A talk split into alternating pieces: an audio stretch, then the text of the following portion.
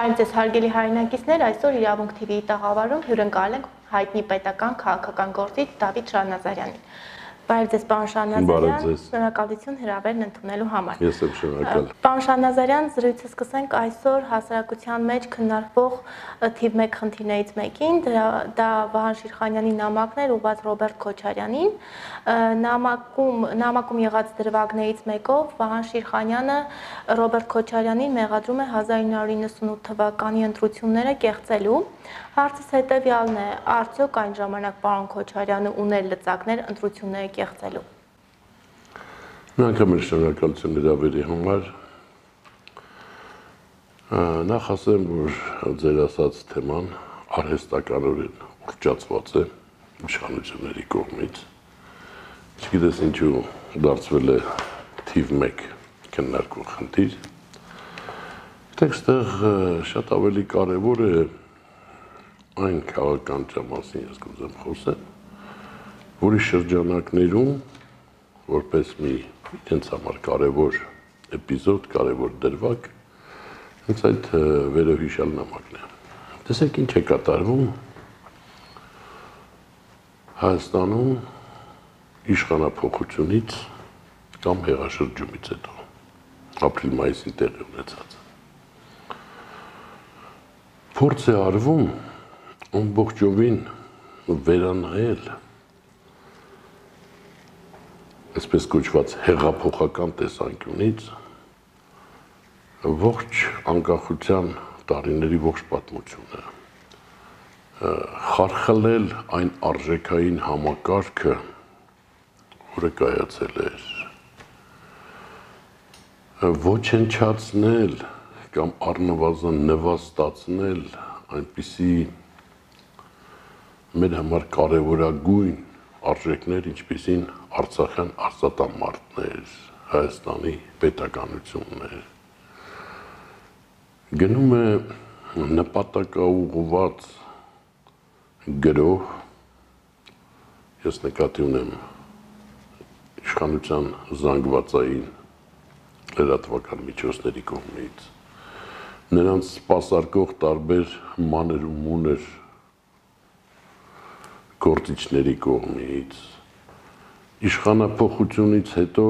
նրանց միացած, որոնք մինչև այդ հեղաշրջումը նրանց քննադատում էին, բայց հետո նրանց միացան եւ ամբողջովին կարծես թե այդ ամեն ինչը սատարում են այդ անձնավորությունների կողմից փորձում են իշխանությունները տարածել համատարած քծնանքի մտնոլորտ։ Ասեք, ինչ է տեղի ունենում ամենաբարձր մակարդակով Մամվել Գրիգորյանի ինչ մեղադրանքներ ասես դրեցին, որոնք հետո չապացուցվեցին։ Վարչապետը ինքը սիմվոլի հաց գողացող, բան ոչինչ չեն ապացուցվում։ Ոչ անհայտ Սասուն Միքայելյանի կողմից արված այն հայտարարությունը, որ կարևոր է հեղափոխությունը շատ ավելի բարձր արժեք է, շատ ավելի կարևոր է, քան թե Արցախի ազատամարտը, Շուշիի ազատագրումը եւ այդ ամեն ինչը։ Այսպես կոչված քաղաքացու օր տոն հրճակելը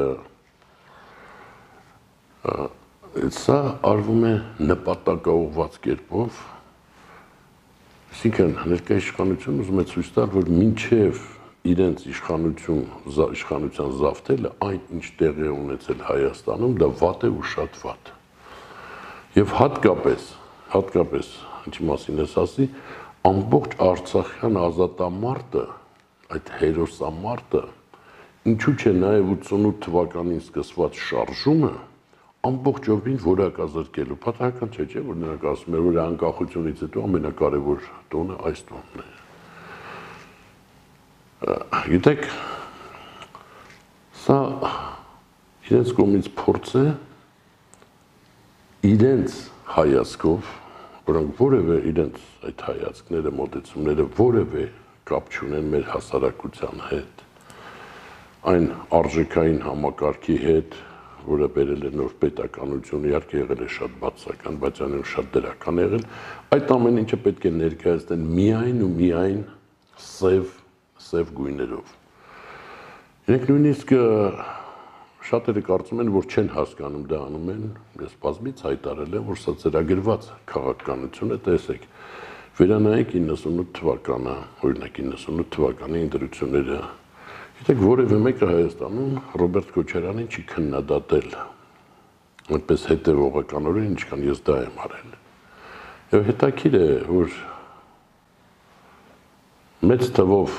այսպես կոչված անձիկ, որոնք ժամանակին կրծքով Քոչարյանին ինձնից պաշտպանում էին, այսօր նրանք բղավում են Քոչարյանին կախաղան պետք է բարձրացնել, ինչի դատարան, դատաստանի պետք է ենթարկել։ Դրանք այսպես ասած հավերժ քծնողներն են։ Դրա համար ես բովանդակային առումով չեմ ուզում անդրադառնամ, չեմ էլ անդրադառնա նամակին։ Եվ իհարկե ինչպես ասացի, դա արհեստականորեն այդ ամեն ինչը ուշճացվում է, ես կարճ ներկայացրի, որ դա հետևանք է այն քաղաքականության, որը նպատակաուղված ձևով տանում է ներկայիս իշխանությունները, տանում են ներկայիս իշխանությունները։ Ասենք իրենք շատ լավ հասկանում են, որ նման քայլելը նրանք վերանայել նա 98 թվականի ընտրությունների արդյունքները։ Ինքս եմ դրա դեմ ես հանդես եկել։ Հիմա կգնանք ասենք վերանայենք նաև 96 թվականը, հետո կասեն 2003 թվականը, Դեք իրենք շատ լավ հասկանում են, որ դա խարխլում է մեր պետականությունը, որ ամեն ինչ ունի սահմաններ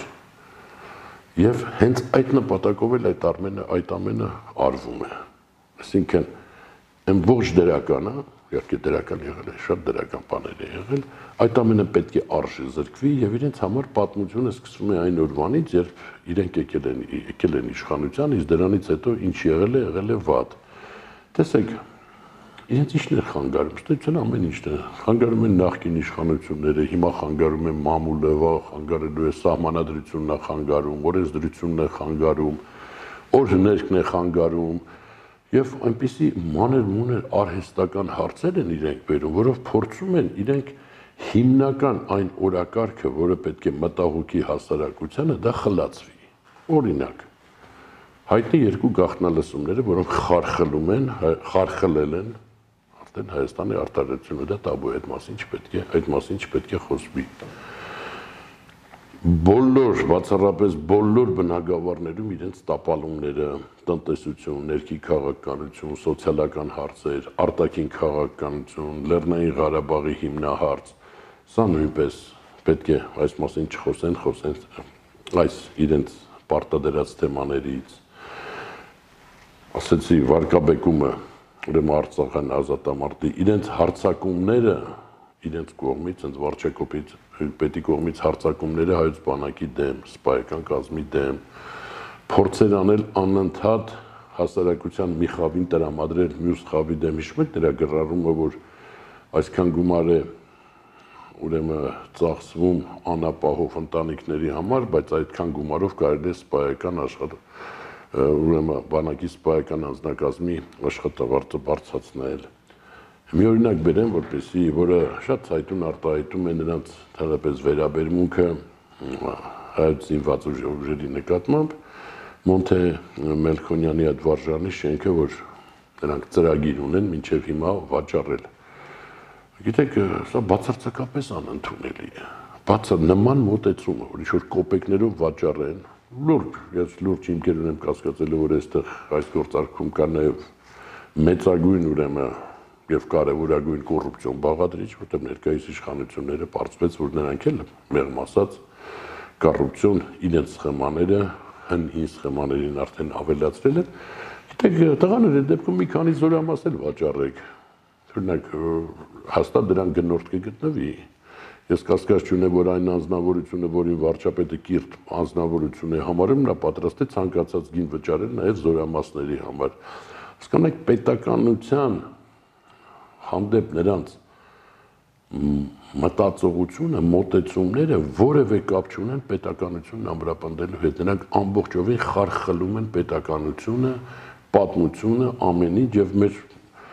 պետականությունը էապես թուլացել է վերջին այս 11 տարիների ընթացքում պետության իմունիտետն է ուրեմն մեծագույն անկում ապրել Եվ օրինակ մի անգամ Լանդրը դառնում է տոնին քաղաքացիություն, դա ինչ է նշանակում։ Հասարակությունը կիսել են սև ու սպիտակի իրենք։ Իրենք կիսել են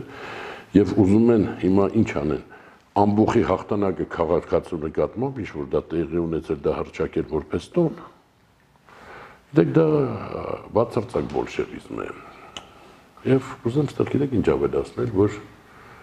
այս իշխանությունները որ դատապարտված են տապալման Ինչպես մեն թքած իրենց վրա, որ իրենք կտապալվեն մեր պետականությունը լրջագույն կորուստներ կունի եւ համար 1 վտանգը իհարկե Արցախն է։ Դա ավելի քան ակնհայտ է։ Տեսեք, այսպես կոչված իշխանափոխություններ կամ հեղափոխություններ նախկին խորհրդային միության տարածքում տեղի ունեցան երկու անգամ Ուկրաինայում, մի անգամ Վրաստանում, բայց որն է սկզբունքային տարբերությունը, որը այնիշ տեղի ունեցավ Հայաստանում ապրիլ-մայիսին, տարանջատում է եւ որակապես տարանջատում է օրինակ այդ երեք հնափոխություններից։ Երեք այդ այսպես կոչված հեղափոխությունները երկուսը, նշեցի Ուկրաինայում, մեկը Վրաստանում, ըստ էության այնտեղ տեղեր ունեցել էլիտաների բաժանում։ Քաղաքական էլիտաները կիսվել էին եւ պայքարը գնում էր այդ էլիտաների մեջ եւ իհարկե այն կողմը, որը գալիս էր իշխանության, պահպանում էին այն դրականը, որտեղ իրենք մասն էին դրա, այն դրականը եւ փորձում էին որևէ կերպ հանկարծ պետականությանը վնաս չտալ։ Հիշեք նույն Ուկրաինայի դեպքում նախորդ 3 նախագահները միշտ մնում էին եւ ըստ էության էլիտայի էլիտայի մի մասը մնում էր եւ մի փոքր մասն էր դուրս մղվում։ Ուկրաինայում դա երկու անգամ եղավ, Վրաստանում դա եղավ, հիշեք այնտեղ ասում եմ էլիտաներ Վրաստանում ովքեր էին օրինակ ղեկավարում ուրեմն այդ հետագայում որ անուստացավ վարտերի հեղափոխությունը գործող խորհրդարանի խոսնակը, նախկին խորհրդարանի խոսնակը, նախկին արտարադատության նախարարը, այսինքն էլիտաների այստեղ փողոցից եկած ամբողջի ներկայացուցիչները ոչնչացրել են, փորձում են ոչնչացնել նախորդ այն էլիտան, ընդորում տարբերություն չկա դրականը, բացականը եւ ստեղծել նոր արժեքներ։ Մի օրինակ էլ կարող են վերել խորթային միության ուրեմն փրկումից 90 թվականին, երբ շարժումը եկավ ընտրություններով իշխանության։ լայն համագործակցություն կար կոմունիստների հետ, մահ կոմունիստների հետ կարգախոս ընդհանրապես չկար եւ կարող ունի, չնայած հասարակության մի մասը դա պահանջում էր, գիտեք, Առաջին Վազգեն Մանուկյանի կառավարության բոլոր անդամները ըստ էության բոլորը նախկին այդ կոմունիստական ուրեմն ռեժիմից էին նրանք։ Այսինքն ժառանգականություն կար։ Իսկ սա կատարյալ բոլշևիզմ է բառից ամենա ամենավատ իմաստով ես հա մեծագույն վտանգն է ասում առաջին հերթին Արցախին, երկրորդ հերթին մեր պետականությանը։ Երբ շատ երկար պատասխանեցի ձեր հարցին կներեք։ Պարոն Շանազարյան, թույլ տվեք, դուք չնայած ասացիք, որ չեք ուզում անդրադառնալ Շիրխանյանի նամակին, բայց այդտեղ մի դրվագ կա, որը վերաբերվում է Լեռնային Ղարաբաղին։ Վերջինս իր նամակում նշել է չեմ կարդացել այդ նամակը ամենայն ազնվությամբ ասում, ինչ որ նամակի մասին մեկնաբանություններ կարդացել եմ, բայց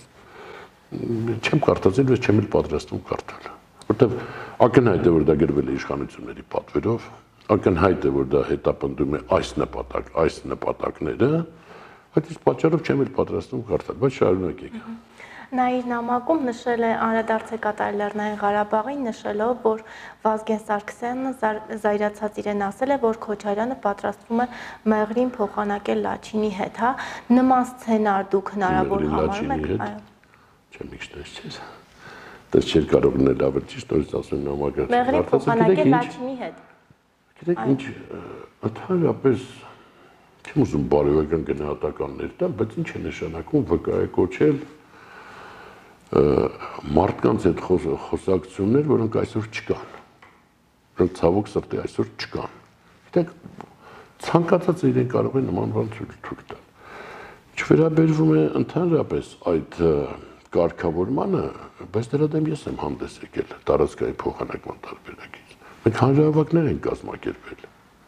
Ուր են ժամանակ են մարդիկ, որ հիմա դա հիշել են, ուր են դրանք ինձ հետաքրիր է, ուր էին այն ժամանակ։ Գիտեք, ամեն հարց պետք է բարձրացվի ժամանակի ճիշտ պահին։ Հիմա հետ գնալ 21 տարի հետ գնալ եւ ասել կամ 20 տարի հետ գնալ, ասել սա է, այսինչ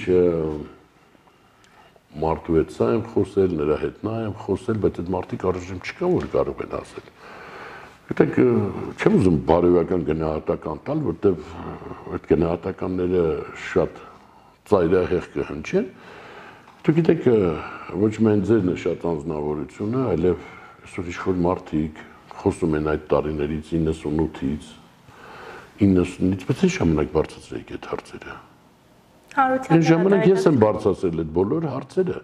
բայց այսօր դուք դա անում եք այսօրվա այսպես կոչված հեղափոխական կոնյունկտուրայից ելնելով գցնելով ներկա իշխանություններին, գցնելով ներկա իշխանություններին, կատարելով նրանց պատվերը, հասկացեք, սա շատ ժամանակավոր իշխանություն է, շատ ժամանակավոր եւ այն գնահատականը, որ պատմություն եւ պատմությունն եւ հասարակությունը մեզ տալու է այս իշխանություններին լինելու է շատ դաժան։ Վաղը մյուսօրը մենք ստիպված ենք լինելու ես ես ինքս անձամբ այս իշխանություններին ֆիզիկապես պաշտպանել այն հասարակության այն հատվածից, որոնք իրենց ոդքի են հանել եւ որ, որոնց իրենք ամբողջ են դարձել Պարոն Շահնազարյան, դուք ձեր հայտնի ասուլիսներից մեկում նշել եք տարեվերջին, որ փաստեր ունեք, որոնք ապացուցում են ներկայիս գործող վարչախմբի հակարցախյան քաղաքականությունը, ինչից հետո ձեզ հրավիրեցին ԱԱԾ։ Երբ որ ես այդ փաստերը ներկայացրեցի, դրանից հետո։ Այո։ Դրանից հետո։ Դրանից հետո ձեզ հրավիրեցին ԱԱԾ եւ հանրությանը հետաքրքրում է այն ժամանակ դուք չգնացիք։ Հանրությանը հետաքրքրում է ի վերջո։ Պատասխանել եմ այդ հարցերին։ Լավ, ասեք։ Ի վերջո դուք գնացիք ԱԱԾ եւ ինչ ընթացք տրվեց։ Գիտեք, ես այն ժամանակ ինձ ասուլիս հրավիրեցի այդ հարցերին, պատասխանեցի ասուլիսում, շատ կարճ ասել, ես պատրաստվում էի գնալ, որևէ մեկին չէի ասել, նույնիսկ դա հրավեր էր, ոչ թե ինչ որ քրեական գործով որպես վկա, բայց ես հարգելով այդ կառույցը, հարգելով այդ կառույցը, որը ժամանակին ղեկավարել եմ, ես գնալու էի, բայց իմ գնալու ժամից 1.5 ժամ առաջ ԱԱՑ-ն ինքը հայտարարություն տարածեց, որից հետո ես ուղղակի ասուլիս արեցի եւ պատասխանեցի բոլոր հարցերին։ Եվ դրանից եւ դրանից հետո ես ուղղակի հայտարարել եմ, որ որևէ դեպքում ուրեմն եթե հարց ցակի, բայց միայն եթե դա լինի ծանուցագիր քրեական գործ, թող ինձ տեղյակ բանից, իհարկե ես իհարկե գնամ ուրիշ բան ինչ կլինի այնտեղ եւ բացի այդ ես հայտարարել եմ որ դա քրեական հետապնդում է որը հիմա էլ եմ պնդում որտեղ ինչ տեղ ունեցավ հիմա այդ ասուլիսից հետո եթե չեմ սխալվում դա դեկտեմբերի 4-ին էր այո դեկտեմբերի 4-ին էր որտեղ ես բոլոր այդ փաստերը ներկայացրեցի որ ծրագրավորված ներկայիս իշխանությունը ուղղակի տապալում է այն ամենը ինչ ձեռք է բերվել բանակցային գործընթացում Լեռնային Ղարաբաղի ուրեմն Եվ մեր փաստեր եմ ներկայացրել, ինչալ է ասեմ, որ որևէ բովանդակային պատասխան որևէ մեկից մինչև այսօր ես չեմ չեմ ստացել, որտեղ չկան պատասխաններ, ես դեռ իմ տեսակետը չեմ էլ ներկայացրել, ես ուղղակի ներկայացրել եմ փաստեր եւ փաստաթղթեր։ Դրանից հետո վարչապետը դա Կարոզ Արշավում էր ուղղակի հրահանգեց ԱԱՑ-ին, որ պետք է անի ԱԱՑ-ն էլ դե այդ քաղաքական պատվերը կատարեց, ոչինչ չստացվեց, այո, դա քաղաքական հետապնդում է եղել հենց Քարոզարշավի ընթացքում։ Պարոն Շանազարյան, անդրադառնանք Արցախի հարցին։ Դուք ձեր հարցազրույցներից այո, անցնենք։ Դուք ձեր հարցազրույցներից մեկում ասել եք, որ այսօրվա իշխանությունները ավելի մեծ վտանգ են ներկայացնում Արցախի համար, քան Ադրբեջանը, հետաքրքիր է նույն տեսակետին եք այսօր եւ իշխանությունները իրենց բոլոր քայլերով դա ապացուցում են, չէ։ Ավելին, ես ասել եմ, որ նման հաջողություն բանակցային գործընթացում նման իրենց համար ծերնտու իրավիճակ նկատի ունեմ Ադրբեջանին չեր եղել սկսած 96 թվականի Լիսաբոնյան գագաթաժողովից եւ դա արել է ոչ թե Ադրբեջանը, որ բազմակողմանի իր գործողություններով դա գործող գործող իշխանությունն է արել, որտեղ այն դրականը բավական լուրջ դրական ուրեմն առավելությունը, որը ինքը ժառանգել էր նախորդ իշխանություններից, թե արտաքին քաղաքականության հարցում, թե հատկապես Լեռնային Ղարաբաղի հակամարտության կարգավորման բանակցային գործընթացում նրանք ուղղակի իրենք վերացրել են եւ ստեղծել շատ ծանր, շատ ծանր իրավիճակ, դեռ շատ դրական բաներ կար, հիմա չեմ ուզում դրան նորից անդրադառնալ մանրամասն, իհարկե դա այդպես է եղել։ Իհարկե մեծագույն վտանգ է, ինչի մասին ես խոսում էի վարկաբեկել Արզատամարտը, Արցախյան վարկաբեկել այդ ամեն ինչը, հասարակությունը կիսել, այս ամեն ինչը դա մեծագույն վտանգ է։ Գիտեք, մենք պատերազմի շեմին ենք կանգնած։ Մենք ես վերջին օրերին, ինչ որ կատարվեց շփման գծում, ամբողջովին վերացրեց այն վերելակային պայմանավորվածությունը, որ Փաշինյանը ձեռքեր բերեր Ալիևի հետ, Ալիևի նախաձեռնությամբ, որտեղ ընդհանրապես ամբողջապես դա ասել եմ, Ալի Ալիևին էր ձեռնետու, դա ինչ է նշանակում, որտեղ արդեն զոհեր իրավիճակը մի խոսքով այն որ այդքան པարծենում էին գլուխ էին գողում այս իշխանությունները, դա այլևս չկա, դա ես համարում եմ շատ բավական լուրջ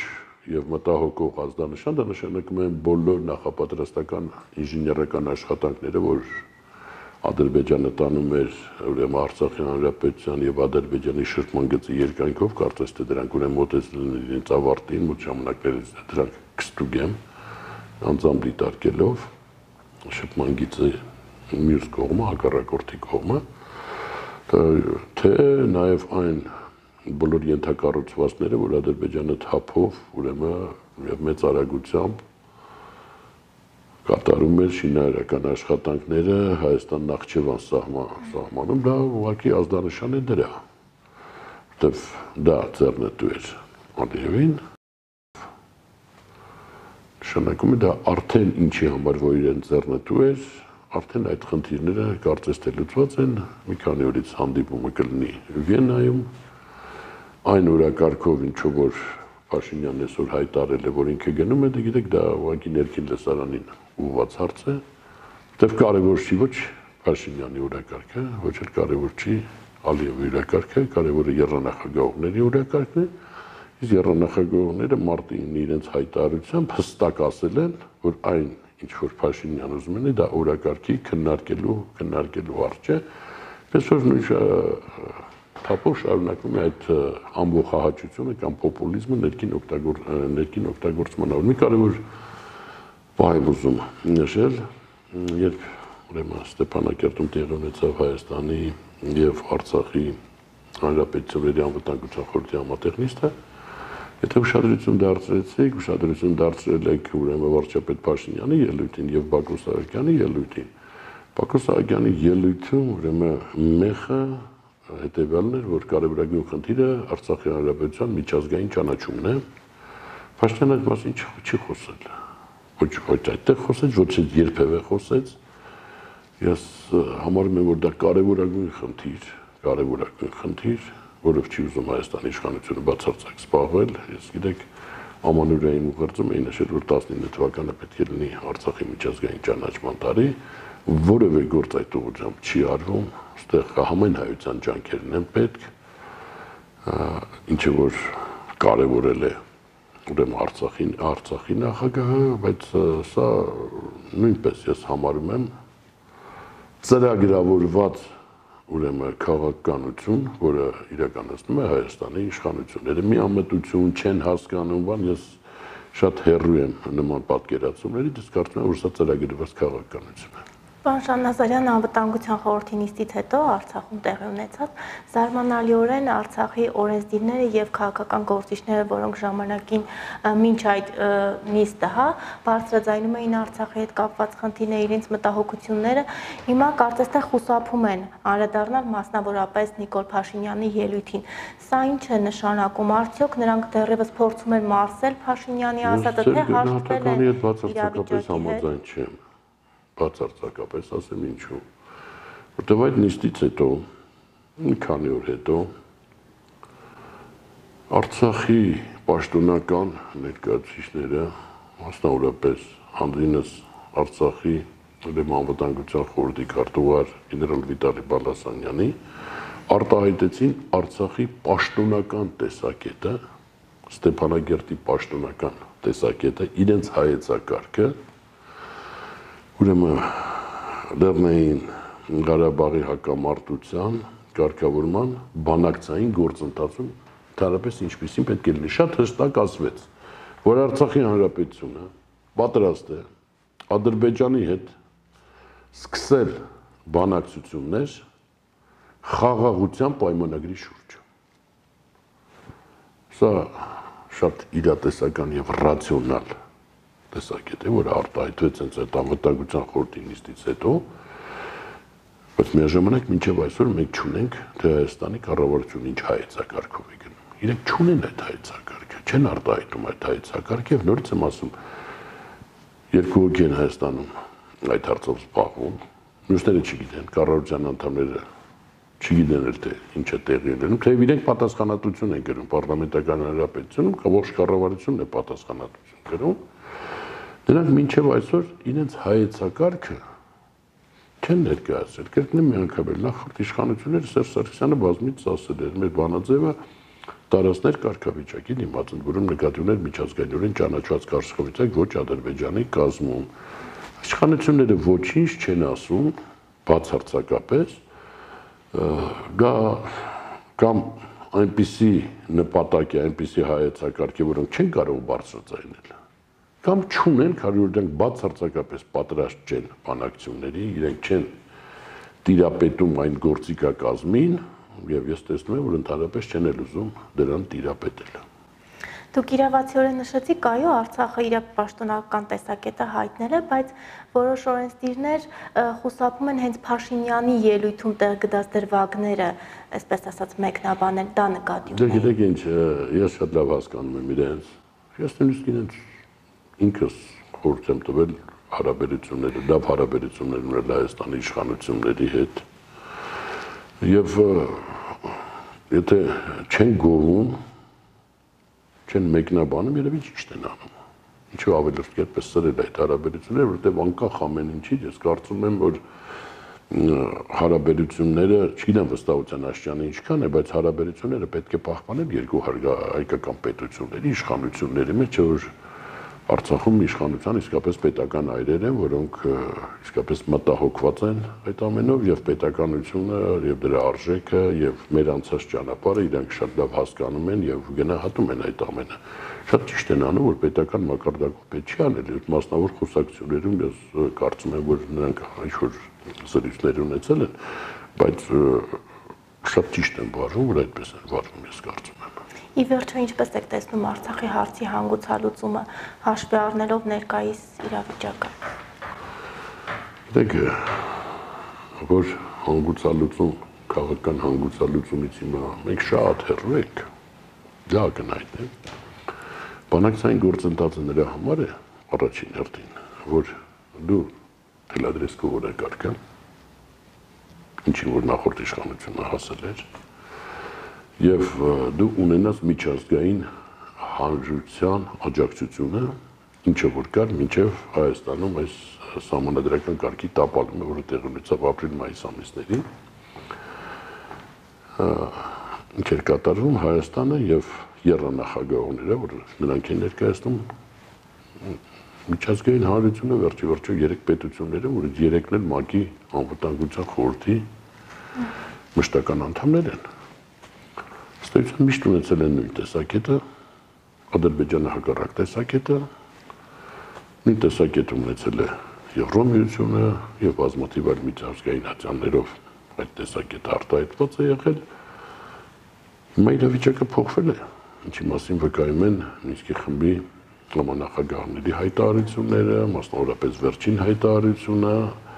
իրավիճակը փոխվել է, պատահական չէ, որ Ադրբեջանը գովել եւ ուրեմն սատարել է ԵԱԿ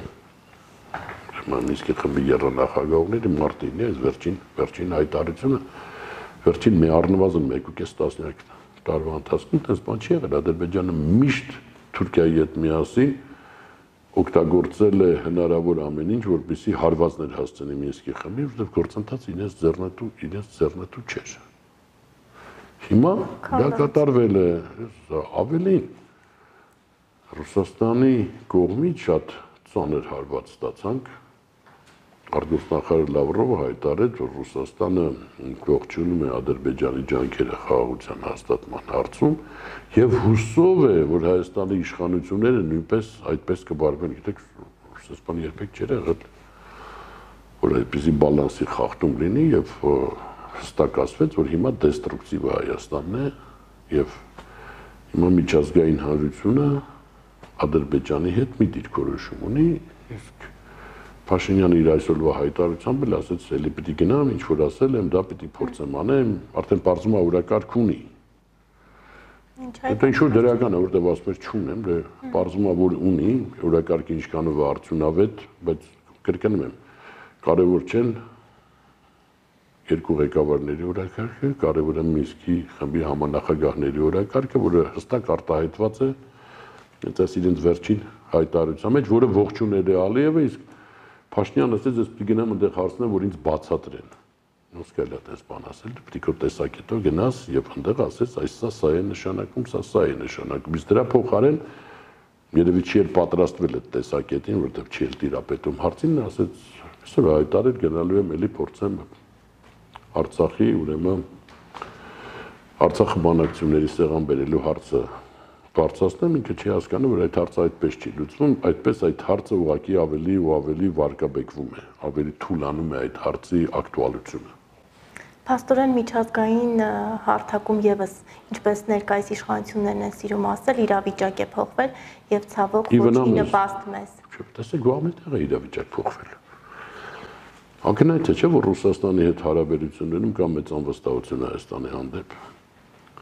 Հապքում այն ինչ որ արեց Փաշինյանը, չգիտեմ, դա ուղղակի հանցագործություն էր, շուտ արեց։ Եվ այսօր հայտնվել միայնակ հապքում, երբ հապկը մի տեսակետի են բոլորը, դու փորձում ես շուտ հակառակն անես, սպառնում ես, որ հակը հապկը կքանդվի, եթե կոնսենսուս չլինի։ Ասեմ, բայց էլ չեմ մանրամասնացել, լրջարվում խնդիրներում ենք Իրանի հետ հարաբերություններում ենք, եւ վերջերս པարզ դարձավ, որ Վրաստանի հետ էլ ամեն ինչ այնքան հարց չի։ Վրաստանի նախագահի այցից հետո Հայաստան դա բարդարտ է, որովհետև այն հարցերը, որը բարձրաց ձայնեց ուրեմն Վրաստանի նախագահ, այդ հարցերը միշտ էլ եղել են։ Բայց այդ հարցերը հրաապարակ հանրային դաշտ բերելը սա արդեն լուրջ մտածելու, լուրջ մտածելու տեղիք է տալիս եւ ինչ են անել իշխանությունները եւ արդյոք իրենք հասկանում են, որ այդտեղ էլ խնդիր կա, ես դրանում էլ վստահ չեմ։ Միացյալ Նահանգների հետ հարաբերությունների մորակարգ չկա մինչև հիմա, մինչև հիմա ձևավորված Եվրոմիության հետ հարաբերությունների հարցում այնտեղ մեծագույն բացթողում կա, որի մասին ես դեռ ամիսներ առաջ նշել եմ, որտեղ այնտեղ Ադրբեջանն է արդեն բանակցություններն ավարտում նման փաստաթղթի շուրջ, որը ուզում է նախաստորագրել, ինչ որ Հայաստանը ստորագրեց նախորդ իշխանությունների երկու տարի առաջ, այսպես կոչված ՍԵՊԱՆ, որտեղ Ղարաբաղյան հարցով երեք միջազգային սկզբունքները ամրագրված են մեր հետ, մեր փաստաթղթում, իսկ Ադրբեջանի փաստաթղթում դա չկա։ Դա չի մտահոգում այս իշխանությունները։ Սա անվտանգության հարց է, լրջագույն հարց է։ Ես ամիսներ առաջ բարձրացել եմ այդ հարցը, բայց Փաշինյանը գնաց Բրյուսել այդ հարցից ընդհանրապես չխոսեց փորձում են նրանց համոզել, որ Ղարաբաղի պիտի մասնակցի, այնտեղ էլ ոչ ստացավ։ Սա ուղղակի գիտեք ինչ։ Այս ամեն ինչը այն մտածելակերպի, արատավոր մտածելակերպի հետևանքն է, ինչի մասին մեր զրույցի սկզբում ես ասի, որ ինչ որ եղել է մինչև ապրիլ-մայիս Հայաստանում էս անկախության որ պատմության ընթացքում դա վատ է եւ այս հեղափոխականություն, այսպես ասած, տանել արտաքին քաղաքականություն եւ Լեռնային Ղարաբաղի բանակցային գործընթաց, սա ուղղակի աղետալի աղետալի հետևանքներ է Իշմետ Փաշինյանի մի արտահայտությունը, որ հայրան ինչ տեղել է տեղի ունեցել Հայաստանում, պետք է ստիպի, որ ողջ միջազգային հանրությունը այդ թվում նաև Ռուսաստանը ադապտացվի մեր հետ։ Ինչ ասեմ, նման պատկերացումներով սա է հակապետական մտածողությունը, սա է հակապետական ծրագիրը, որը նա իրականացնում է։ Անդրադառնանք նաև մարտի 1-ի հնչեղ քրեական գործին։ Դուք դեռևս երբ գործը նոր էր բացվել, դուք նշել եք, որ սա զուրկ է պետական մտածողությունից տվյալ քրեական գործը։ Չէ, ավելի էի ասել, ասել որ սա քաղաքական։ Քաղաքական ենթատեքստում ես պահանջել էի, չէ, ես պահանջել էի, որպեսզի միջազգային քննություն իրականացվի, ինչ այդ իշխանությունները ոչ մի կերպ չեն ուզում դրան գնան եւ այդ նույնը հիմա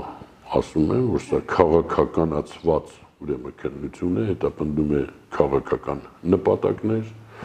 Այդ գաղտնալսումներն ապացուցեցին, որ իրականում քննությունը ղեկավարել է ինքը վարչապետը, Եվ իմիջայլուց այս աղմուկ ինչից սկսեցիք մեր զրույցը, ինչ որ նամակի բանի հետ կապված,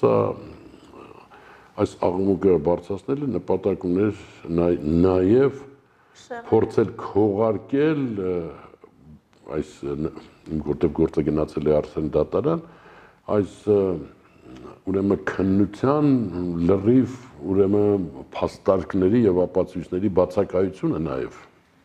Ես նկատի ունեմ բոլոր այն անձանց հանդեպ, որոնց մեղադրանք է հարուցված, սա իհարկե, սա ամբողջովին քաղաքական գործընթաց է։ Ամփոփելով մեր զրույցը, ուր են գնում այսպես պարոն Շանազարյան։ Ուր են տանելու հա ներկայիս անկախության պատմության ողջ ընթացքում սա մի քանի անգամ ասել, մենք երբեք այսքան վտանգավոր վիճակում չենք եղել հիմա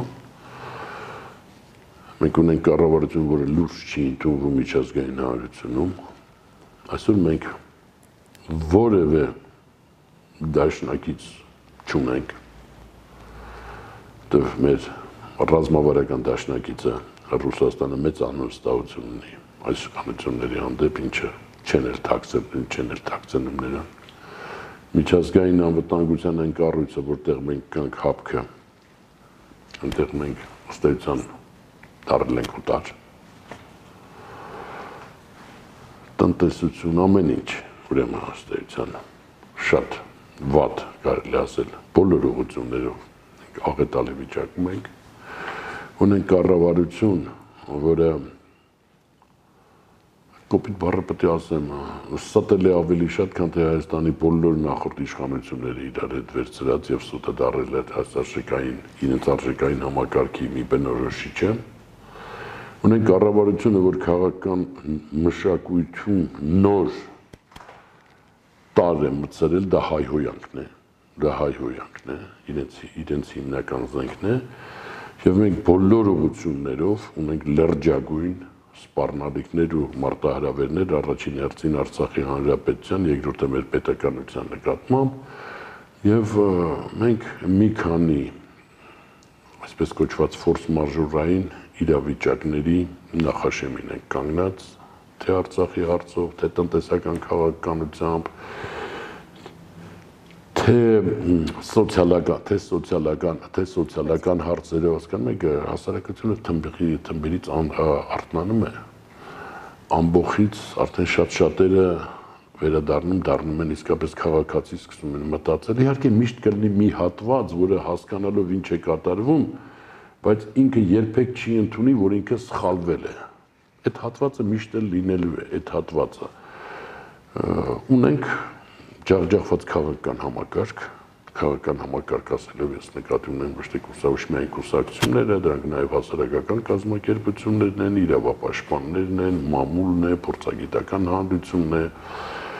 այստեղ նույնպես հեղափոխականությունը առայժմ առայժմ գերիշխում է, բայց ստեղ էլ դրական քայլեր կանես, պետք է ունենանք արդյունքն նորացված հասարակական քաղաքացիական հասարակության կառույցներ, իրավապաշտպանների նոր ինստիտուտներ պետք է ունենանք, որտեղ սրանք բոլորը արդեն դարել են հեղափոխական եւ սա առանձին թեմա է։ Իհարկե գիտեք, սրանք բոլորը ենթարկվել են լյուստրացիայի։ Բոլոր այն կառույցներն ու անձիկ, որոնք պահանջում էին լյուստրացիա, այ իրենք արդեն ենթարկվեցին, իրենք արդեն ենթարկվեցին լյուստրացիայի եւ իրենք կարևոր մասն են ներկայիս Փաշինյանի ռեժիմի։ Շնորհակալություն բովանդակալից հարցազրույցի համար։ Հիշեցնենք մեր տաղավարում էր պետական քաղաքական գործիչ Դավիթ Շանազարյանը։